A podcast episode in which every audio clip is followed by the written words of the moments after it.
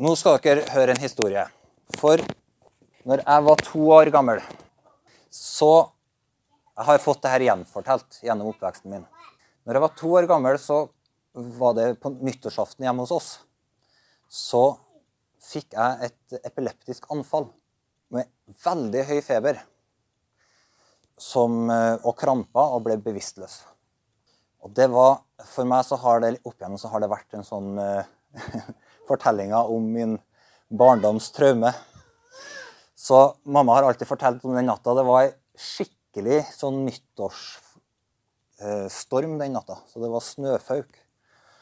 Og så var feberen så høy, så hun hadde en sånn ryggmargsrefleks som sykepleier. Så hun tok, kledde av meg alle klærne, kasta meg i snøen på verandaen bare for å få ned temperaturen.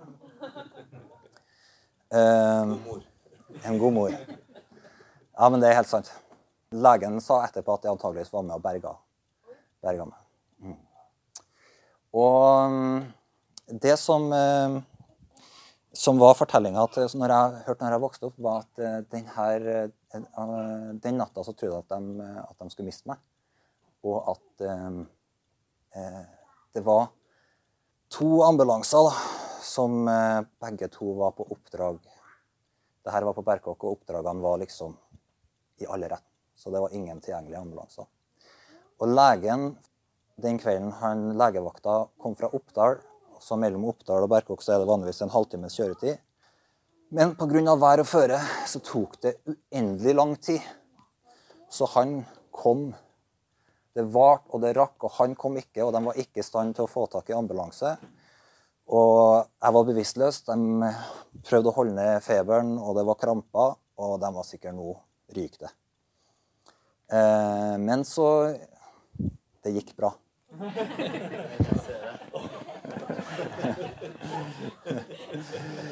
og jeg husker mamma har fortalt hun var, hun var så utfattelig sint i den situasjonen på den legen som ikke kom, og, og følte seg så alene i den situasjonen. Eh, så for noen år siden så skulle jeg forkynne i en menighet her i Trondheim som har sånn eh, annonserer møtene sine i avisa.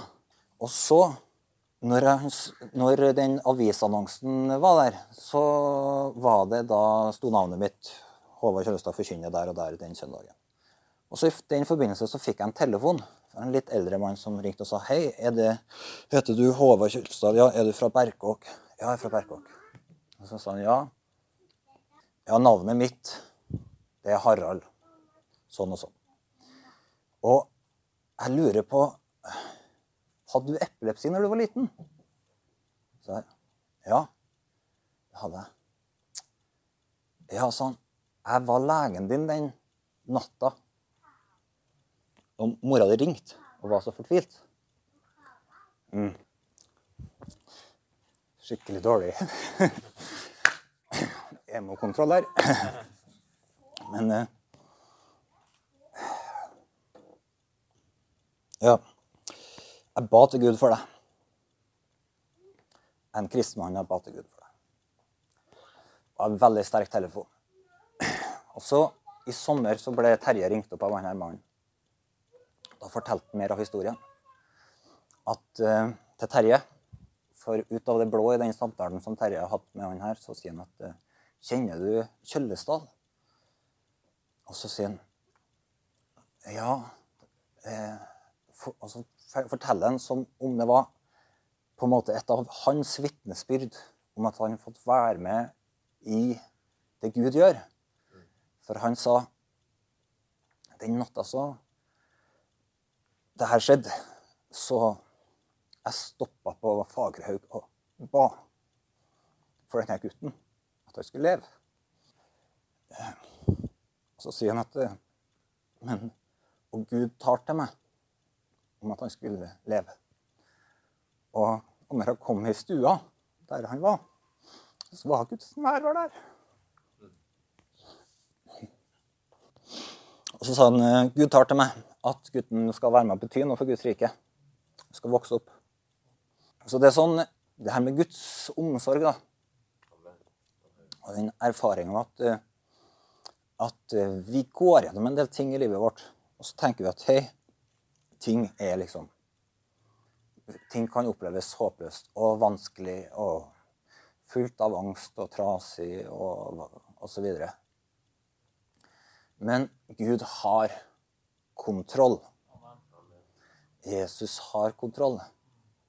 Og samme på en måte hva slags situasjon du er i, på en måte der uh, ting kan være utfordrende, eller ting du har gjennomgått. Det, liksom, det kommer en dag hvor du kommer til å se hvordan Jesus sine løfter om at han er med deg hver eneste dag, at de er, slår ikke feil. Altså. Han har kontrollen. Og det er ikke bare det at han har kontroll, men han involverer oss til å være med i det som han gjør ifra tronen. Sånn at den, Nå er han her 89 år. Han er ikke det? 79 år. Og, og, han vet at han var med. I kraft av at han var, han var i bønn den natta for meg, så var han med og, og berga livet mitt. Og det, det, er sånne ting som vi ser når vi Av og til så viser Gud oss det, og andre ganger så, så forstår vi ikke sammenhengene. Men det å være involvert med Gud i bønn, det er fantastisk. Og det å kjenne Gud som er herre over eh, liv og død, det er jo fantastisk. Og før eh, sommeren så hadde vi den siste samlinga så hadde vi overskrifta 'Maria kirke'. Husker dere det? Og da snakka vi om det her at Maria hun er et eksempel på det, den holdninga som kirka til Jesus har til, eh, til Jesus sjøl. Hun hadde Det var noen ting med måten hun tilba Jesus på, som Jesus satte pris på, og som på en måte Gud valgte å gi godt rom. I, når Nytestamentet skulle skrives, så gir Jesus ganske mye rom til denne eh, kvinna Maria og sier hei, se på hennes eksempel. Og i den eh, fortellinga om Maria som vi så på sist gang, så var vi i Johannes 12 og så på hvordan Maria da eh, tilba Kom inn i rommet på en fest der Jesus var invitert. Og så tok hun ei sånn krukke med nardussalve og tilba Jesus. Eh, og denne krukka, den eh, var jo sånn eh, var måte, Det var salve oppi den, og den var Det var på en måte hermetikk i krukkekonsept. Den var Når du først brøyt den, så kunne du ikke lukke den igjen. Det var ikke skrukork. så, og oppi den så var det en sånn eh, salve da, som var verdt ca. en halv ja, Mellom en tredjedel og en full årslønn. Så røftlig på norsk ja, 200 000 kroner var verdien på denne krukka. Og det, det at eh, Maria kom og så brøt den krukka, helt den over Jesus' hode, vaska føttene og salva føttene hans med det, det var et uttrykk for at hun tok noe som var dyrebart for henne, og som på mange måter representerte framtida hennes. Fordi det finnes sånne verdier som vi har, som vi kan bruke av i dag. Hvis du har 1000 kroner på kontoen, så kan du ta ut de pengene og bruke litt av det ved 100 kroner hver dag i ti dager. liksom. Men hvis du har 200 000 som er investert inn i ei krukke som er hermetisk lukka, og med en gang du åpner den, så er liksom verdien brukt opp, så vet du at det handler om framtida. Det handler enten om at den krukka handler om eh, bryllupsdagen hennes. Vi leste fra Høysangen så så vi på det her at Nardussalven er til stede i det kongelige bryllupet og skaper en sånn atmosfære av kongelig bryllup. Det står det om i, i historien om Maria Johannes 12 at når hun brøt denne krukka, så ble huset fullt av duften fra krukka. Så det betyr at når Maria elska Jesus og gjorde tilba han og gjorde det hun kan for å elske han, så skaptes det en sånn atmosfære i rommet av kjærlighet og hengivenhet. Som er det samme som skjer når vi på en måte bryter ut av eh, leirkarene våre og på en måte ut av menneskefrykten og gir Jesus det beste vi har, så skjer det noe på et sted. Da skapes det en sånn atmosfære av hengivenhet og tilbedelse. Og det er akkurat som om denne velduften av et kongelig bryllup brer seg i rommet. Denne krukka, den representerte kanskje og på en måte pensjonen hennes. Noen mener det. At det var en måte Hvis du hadde på en eller annen måte fått et større pengebeløp, og så ønska du å sikre de pengene, så måtte du på en eller annen måte ja, Kunne du f.eks. ta de 200 000 og investere det i ei krukke, og den kan du eventuelt selge igjen. Fordi at den vil være like bra om eh, lenger ned i løypa. Den står seg. Så veldig godt mulig var det det som var tilfellet for Maria. At eh, hun tok hele framtida si og sa nå stoler jeg ikke lenger på denne krukka og de pengene, verdiene jeg har i det her, men jeg gir hele framtida mi. Jeg bare øser det ut over Han som har berga meg og frelst meg. Jesus. Og når, han, når hun helte oljen over hodet hans, og ryktene i området gikk på at her Jesus var kanskje denne Messias, denne kongen, så, som folket venta på, så en måte så salva Maria Jesus. Sånn som profetene salva kongene i Det gamle testamentet med å helle olje over hodet på dem. Så var det liksom i rommet av, av fariseere og litt upper, middle upper class people i det selskapet der så kom Maria inn og så bare gjorde en sånn profetisk handling som antageligvis gikk langt utover det hun sjøl skjønte. Så hun salva hodet hans. Folk tenkte Kanskje tenkte han Ja Er han den Messias? Er han den kongen? Og så responderer Jesus og så sier han, Hun har salva meg for min gravferd. Så Jesus sier at hun gjorde noe som hun antageligvis ikke skjønte rekkevidden av. For Maria visste antageligvis ikke Det var ingen av disiplene som hadde tatt inn over seg at Jesus skulle dø på et kors og bli begrava. Men Jesus sa at hei, den salvinga her handler om det jeg skal gjøre. På korset, i grava, i oppstandelsen. Helt fram til salveoljen begynte å flyte ifra det himmelske når Jesus satte seg ved Guds høyre hånd og utrenninga av den egentlige salvelsen, kongelige salvelsen fra himmelen ved utrenninga av ånden inntraff. Så Maria, Jesus på en måte løfter det Maria gjorde, opp på en større setting og sier at det, var hun, det her var ikke bare en tilbedelse, men det var en profetisk handling. Det her leser vi om i Johannes eh, kapittel 12. Da. Men i kapittel 11 så skjer det en eh, Så møter vi Maria i en annen setting.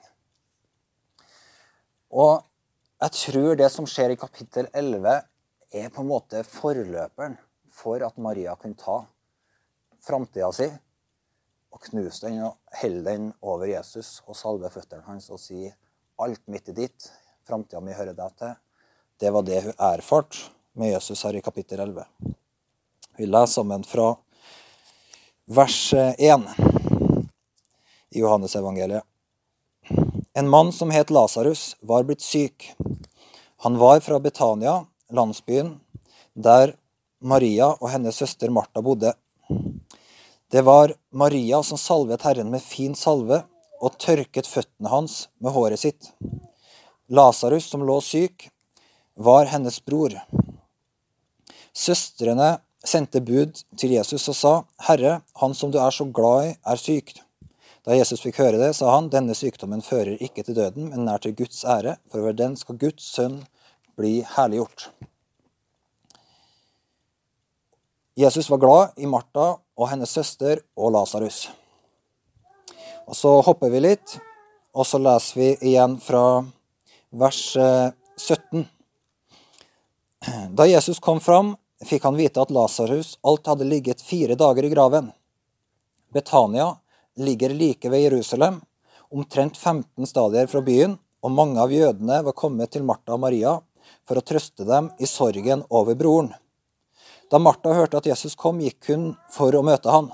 Maria ble sittende hjemme. Martha sa til Jesus, Herre, hadde du vært her, var ikke broren min død. Men også nå vet jeg at alt det du ber Gud om, vil han gi deg. Det, når du leser historien om Maria og Martha, så er det fort gjort å gi Martha et litt dårlig rykte. Men du må høre på troa til den dama her, altså.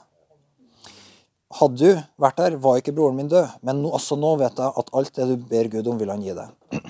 Din bror skal stå opp, sier Jesus. Jeg vet at han skal stå opp i oppstandelsen på den siste dag, sier Martha. Det her høres veldig sånn eh, litt sånn 2021-kristent ut å si. Ja, jeg vet at eh, ting skal bli bra i himmelen, liksom. Jesus sier til henne, 'Jeg er oppstandelsen og livet.' 'Den som tror på meg, skal leve om han enn dør.' 'Og hver den som lever og tror på meg, skal aldri i evighet dø. Tror du det her? Ja, Herre, sier hun. Jeg tror at du er Messias, Guds sønn, han som skal komme til verden. Da hun hadde sagt det her, gikk hun og kalte i stillhet på sin søster Maria og sa til hun, Mesteren er her og spør etter deg. Da Maria hørte det, sto hun straks opp og gikk ut til han. Jesus var ennå ikke kommet inn i landsbyen, men var fremdeles der Martha hadde møtt han. Jødene som var hjemme hos Maria for å trøste henne, så at hun brått reiste seg og gikk ut. De fulgte etter fordi de trodde at hun ville gå til graven for å gråte der. Da Maria kom dit Jesus var og fikk se han, kastet hun seg ned for føttene hans og sa, Herre, hadde du vært der, ville ikke broren min vært død. Da Jesus så at hun, både hun og alle jødene som fulgte henne, gråt, ble han opprørt og rystet i sitt innerste, og han sa, Hvor har dere lagt han? Herre, kom og se, sa de. Jesus gråt. Se hvor glad han var i hans jødene. Men noen av dem sa, kunne ikke han som åpnet øynene på den blinde, også ha hindret at denne mannen døde? Jesus ble igjen opprørt og gikk bort til graven. Det var en hule, og det lå en stein foran åpningen. Jesus sier, Ta steinen bort. Herre, sier Martha, den døde søster, det lukter alt av ham. Han har jo ligget fire dager i graven. Her finner vi igjen den Martha som vi kjenner fra andre historier. Hun er opptatt av at ting skal være rent og pent, og at det lukter godt. Det var ikke tilfellet i denne situasjonen. Eh, så liksom, ikke slipp den lukta ut. Eh, eh, han har jo, ja, Jesus sa, sier til henne, se, sa jeg deg ikke at hvis du tror, så skal du se Guds herlighet. Så tok de bort steinen. Jesus løfta blikket mot himmelen og sa, Far, jeg takker deg fordi du har hørt meg. Jeg vet at du alltid hører meg, men jeg sier det her på grunn av alt folket som står omkring, så de skal tro at du har sendt meg. Da han hadde sagt det her, ropte han høyt, Lasarus, kom ut! Da kom den døde ut, med liksvøp rundt hender og føtter og med et tørkle bundet over ansiktet. Jesus sa til dem, løs han og la han gå. Og så fortelles det da om hvordan det her splitter folk. Jesus reiser opp de døde. Mange kommer til tro på han, og noen eh, som har veldig mye makt i byen, de blir veldig utfordra. Og sier nå Nå, hva gjør vi nå? Men her får jo Maria være med på en helt fantastisk Jesus-hendelse. På den ene sida så var det en av de mørkeste dagene i livet hennes. Eh, eller de mørkeste fire dagene i livet, som var gått fra Lasarus. Broren hennes var blitt syk og dødd. Og de hadde svøpt den, de hadde lagt den i grava. Eh, og det var på en måte De var kommet til slutten av historien. Og så hadde de sannelig gått sammen med Jesus nok til at de vet at de her tingene som Lasarus lei av, det hadde vært sånne ting som Jesus hadde tatt seg av tidligere. Og verre ting, antageligvis. Så de hadde med seg denne vissheten at hadde Jesus vært der, så hadde han kommet til å helbrede han. Han har gjort det. Vi har sett det så mange situasjoner. og bare det Utføringa bare at Jesus var i feil by. Eller at Lasarus ble syk når Jesus var på feil sted. Eller hvordan det der blir. Noen var på feil plass, i hvert fall. og ble syk.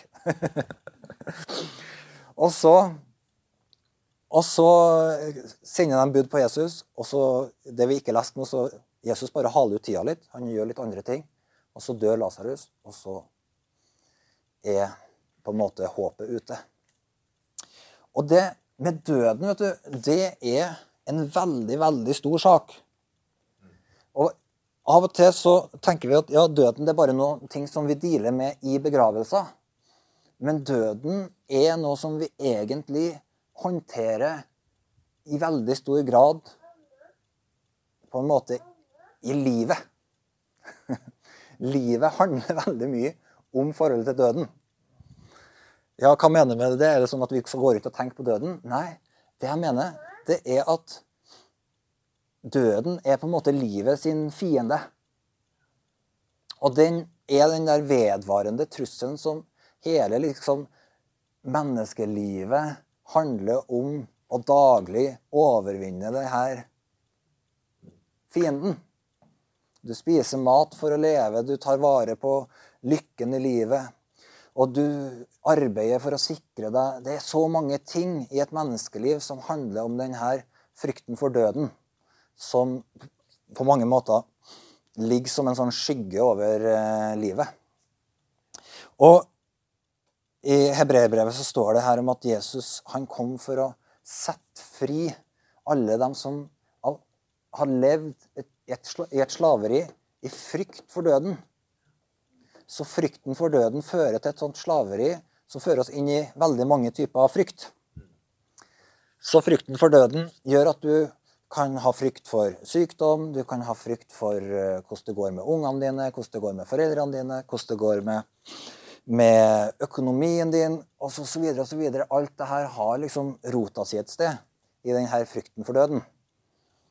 Og så er det sånn at eh, når, eh, når frykten for døden blir stor, så er det en annen ting som slår inn. Og det er at av og til så kan mennesker bli så redd for å dø at de begynner å bli redd for å leve. Så, eh, så, frykten for døden kan av og til være veldig sånn livsinnskrenkende. Så jeg, had, jeg, pleier å fortelle en historie om det her. Jeg hadde en gang en, ei tante som Jeg var på besøk til, og så hadde jeg med meg en sprettball. Og så sto jeg og holdt på med denne sprettballen. Og så ble hun helt hysterisk. Nei, legg den bort. Ja, er det så mye lyd, liksom? Så jeg var litt sånn tenåring, så jeg bare holdt litt på med den. Så ble hun skikkelig sånn eh, nesten aggressiv, da. Og så kom det fram at hun kjente noen som hadde, der ei mor hadde sittet i en telefon og hatt ei datter som hadde svelga en sprettball og dødd. Så for hun så var den her gummiballen. Det var en dødstrussel. Jeg sto og lekte med døden liksom, i hånda. Men det, var, det er helt irrasjonelt. Hør her. Bare la meg si det klart. Ingen her kommer til å dø av en sprettball. Ok? Det kommer antageligvis ikke til å skje igjen i historien. Det var et engangstilfelle. Gud henta noen hjem før tida. Men Sånn kan frykten for alt som kan skje, det kan gjøre livet vårt veldig lite. Det fins folk som ikke reiser fordi at de er så redd for å, å fly. Eller å sitte på en buss. Og så videre og så videre. Men Jesus han kommer ikke bare til oss med et sånt budskap om at eh, hør her, det går bra. Men han går enda dypere enn det. Han sier til Martha så sier han, Jeg er oppstandelsen og livet. Den som tror på meg, skal leve om han enn dør. Og hver den som lever og tror på meg, skal aldri i evighet dø. Så han sier, hvis du har funnet liv hos Jesus, tror på han, så skal du aldri dø. Amen. Det betyr døden Vi trenger ikke å frykte døden. Døden er ikke lenger en fiende. Når du har funnet Kristus, så er han ikke lenger en fiende. Paulus han sier, 'Død, hvor er din brodd?' Død, hvor er seieren din? Hvordan, hvorfor kan han si det? Altså, Brodd er noe som du stikker deg på. Og han, så han sier, 'Død, hvor har det blitt av brodden din? Du gjør ikke lenger vondt.' Og så sier han, 'Død, hvor er din seier?' Før så var det sånn at når folk døde, så var det på en måte en seier for dødsriket. Men når Kristus kom, med oppstandelsen av livet, så endra det seg. Og så forkynner Paulus et evangelium at du er trygg hos Kristus om du lever eller dør. Så lever du med Han. Du har et fellesskap, et vennskap med Jesus, som trumfer døden.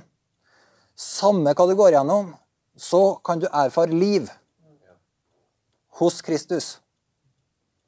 Og at døden er ikke lenger den fienden som han var, fordi at faktisk så har Gud tatt den største av alle fiendene og sagt at hei, du, den største av alle fiender, oppgaven din fra nå av, det er å føre de her folkene inn i enda dypere fellesskap med meg. Så døden, han er på en måte fra å være en litt sånn triumferende despot som liksom alle var redd for, og som gjorde folk vondt, så har Gud på en måte sagt hei. Du skal få æren av å være den personen som bare bærer folk inn i herlighet. Og Hver gang du gjør det, så er det et sånn påminning om at du har tapt. Døden har tapt. Du tar ikke folk med inn i mørket, inn i sorg, inn i, i, i fortapelse. Nei, du har fått et nytt oppdrag, et veldig, veldig ufrivillig oppdrag. Det at du skal tjene herligheten og livet. Oppstandelsen og fellesskapet med Kristus og framtida og håpet. Så alle som dør i troa på meg som Kristus, når de møter deg, så møter de bare en dømt forbryter som har fått en oppgave av å bringe mennesker inn til kongen som dømte deg. Inn i herligheten til han som beseira deg. Og hver gang dette skjer, så blir du enda litt mer ydmyka. For Jesus, han, han ydmyker døden bare i kraft av å være kongen som lever. Ok? Så vi har ikke noe sånn eh, sympati med døden av at han har blitt den her ydmyka tjeneren som bare har ett oppdrag. Ta folk inn i enda større glede, enda større liv. Helt motsatt av det han ønsker. Ok? Så Bibelen snakker litt sånn om døden. Altså, å kalle det en fiende, kalle det en, en sånn kraft som har stått Gud imot. Men nå har døden blitt oppslukt av livet. Og det her, det er det veldig bra å tenke litt på. Fordi når vi vet Når du vet med deg sjøl at Jesus, jeg elsker det livet som du har gitt meg. Jeg ønsker å leve hver dag. Så vet du at hver dag det som du har, det er en gave fra Gud. Så når du våkna i morges, så fikk du en gave. Og den gaven var at Gud sa, 'I dag skal du få leve for meg'. Og så sa han, 'Jeg skal gi deg noen flere gaver i dag'. I dag så gir jeg deg en familie rundt deg. I dag så gir jeg deg venner. Og alle de folkene som er rundt deg, det er en gave fra meg i dag. Og du kan ta imot det, dem og glede deg over dem og leve med takknemlighet. Og så sier han alt dette er en gave, og jeg gir det til deg, og du kan ta imot det med takknemlighet, men du eier det ikke. Jesus sier, 'Jeg eier det'. Jeg eier foreldrene dine, jeg eier søsknene dine, jeg eier barna dine, jeg eier framtida di. Hver dag er en gave Vær så god. Takk, Gud. Og så sier han Og hvis du syns det her er bra, så skal jeg fortelle deg en ting. Jeg har en framtid for deg som er enda mer full av herlighet. For det kommer en dag i livet ditt hvor jeg i min godhet og kjærlighet og omsorg fører deg over fra strevet i sola og inn i under sola. Og inn i herlighet og liv og framtid med Kristus. Og det vil være den beste dagen i livet ditt. Du vil aldri ha smak så mye livskrefter, så mye fred, så mye glede som den dagen da Jesus tar deg fra livet og inn i enda mer liv. Husker dere hvem som eh, må gjøre den der motstridende jobben? Til å ta deg fra livet og inn i enda mer liv? Hva heter han? Døden, ja. Riktig. Så da er det på veien fra liv til enda mer liv. Fra velsignelse til enda mer velsignelse så er det en motstridende tjener som allerede er dømt, som gjør en innsats. En siste krampetrekning som blir til hans nederlag hver gang. Og det her er evangeliet. Det er at livet har seira over døden.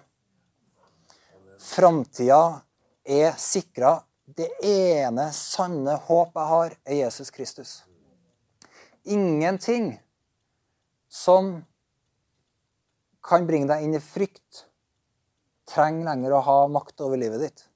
Fordi Jesus han har seira over den store fienden, og det var døden. Og så har han satt et stempel på livet ditt, og så har han sagt når hver den som tror på meg, skal aldri i evighet Skal vi se den som tror på meg, skal leve om han enn dør, og hver den som lever og tror på meg, skal aldri i evighet dø. Amen. Skal vi ta et lite talekor? Nå skal jeg si først. Så kan dere si etter. Jeg skal aldri Jeg skal aldri i evighet dø. I evighet dø. Jeg skal aldri i evighet dø. Jeg skal leve om jeg enn dør. Jeg skal leve om enn jeg dør. Er ikke det fantastisk? Så, og det forandrer alle ting. For det gjør at i forskjell til en verden rundt oss som akkurat de her dagene her er full av frykt, både begrunna og ubegrunna, så kan du leve med vissheten jeg skal leve om jeg enn dør, og jeg skal aldri i evighet se døden. Jeg har fått et liv fra Gud, og jeg skal få enda mer liv fra Gud, og døden kan ikke ødelegge det. Dette var det som Maria da var vitne til. Og så så vi at Jesus ikke bare sa de tingene der, men så tar liksom Jesus og sier OK. Det er en av de kuleste bønnene som Jesus ber i hele Bibelen. For det er liksom, Han kikker opp på himmelen, og så sier han, 'Pappa, Abba, jeg sier ikke det her fordi jeg ikke tror at du har hørt meg', liksom. Nå skal dere høre hva han sier. Eh, han sa, 'Far' Jesus løfta blikket mot himmelen og sa, 'Pappa, jeg takker deg fordi du har hørt meg.' 'Jeg vet at du alltid hører meg.' Men jeg sier det her fordi alle de som står rundt, de skal tro at du har kjent meg. Så, 'Pappa, jeg vet jo at du hører meg. Jeg vet at du allerede vet hva jeg skal gjøre.' Men eh, poenget er bare at de skjønner at vi henger sammen og at nå holder jeg på å gjøre noen ting som viser dem hvem jeg er. Og hvis de får med seg det som skjer nå, da skjønner de alt. Ok? Så av og til så går, Det går an av og til å be sånne bønner bare for at de rundt skal skjønne noe. liksom. Jesus gjør det så veldig pedagogisk. Sånn. Da skal vi alle takke Gud for maten. Så skjønner alle at det er Gud som har gitt oss maten. Det er litt i den gata her. Og så, da han hadde her, så, sagt det her, så ropte han høyt. Lasarus kom ut. Og da kom han ut med likklærne som en skikkelig mummi ut av hula. Til og med med sånn eh, foran øynene. Og det, det, tror jeg at Jesus gjorde det på den måten bare fordi at han syntes det var en veldig kul måte å gjøre det her på. For han kunne liksom gått inn. Veldig ofte så går han jo inn, og så legger han jo hendene på folk, og så setter de seg kanskje opp. og så, Men det var liksom Kom an, vi har ei hule her, folkens. Vi har rulla vekk en stein. Så, så, det kan du huske på at hvis du skal gjøre et mirakel, så trenger du ikke å gjøre det på kjedelige måter. Du kan gjøre det på morsomme måter. Jesus gjorde det gjerne. Og så var det liksom det første han sier, ta vekk det her foran øynene hans, i hvert fall. så han ser. Men Jesus ropte, og når stemmen til Jesus Når han ropte, så gikk liksom stemmen hans inn i dødsriket. Og Lasarus lå der som i dødens søvn. Og så hørte han Jesus sin stemme. Og så kom han opp fra de døde fordi Jesus' sin stemme sa 'gå', så bare reiste han seg og gikk. Og vet du, det her står det at det her er sånn Jesus skal gjøre det på den siste dag. Så skal han rope ut, og så skal de døde stå opp. Og så er det oppstandelse og liv. Og Maria hun fikk med seg det her. Og når hun så det, så bestemte hun seg. Så tok hun en sånn beslutning i hjertet sitt nå er jeg ferdig med å stole på denne eh, narduskrukka mi. Nå er det tid for Jesus. Briste eller bære alt på Jesus. Så knuste krukka si over Jesus og sa, 'Jesus, takk at du har tilgitt meg. Takk at du er oppstandelsen og livet. Takk at du er framtida mi. Jeg ønsker å gi hele livet mitt til å følge deg. Uten frykt, uten framtidsfrykt. Bare elske deg, tilbe deg og høre deg til Og tok på en måte imot da også tok hun imot liksom barnekåret, pappakåret hos Gud. Der han sier 'Jeg tar ansvar for framtida di. Jeg er pappaen din.' Og jeg er ikke en pappa som forsvinner når du blir voksen og må ta ansvar for deg sjøl, men jeg er der hele livet ditt. Teller hvert hår på hodet ditt. Har full kontroll. Og har til og med deala med døden for deg.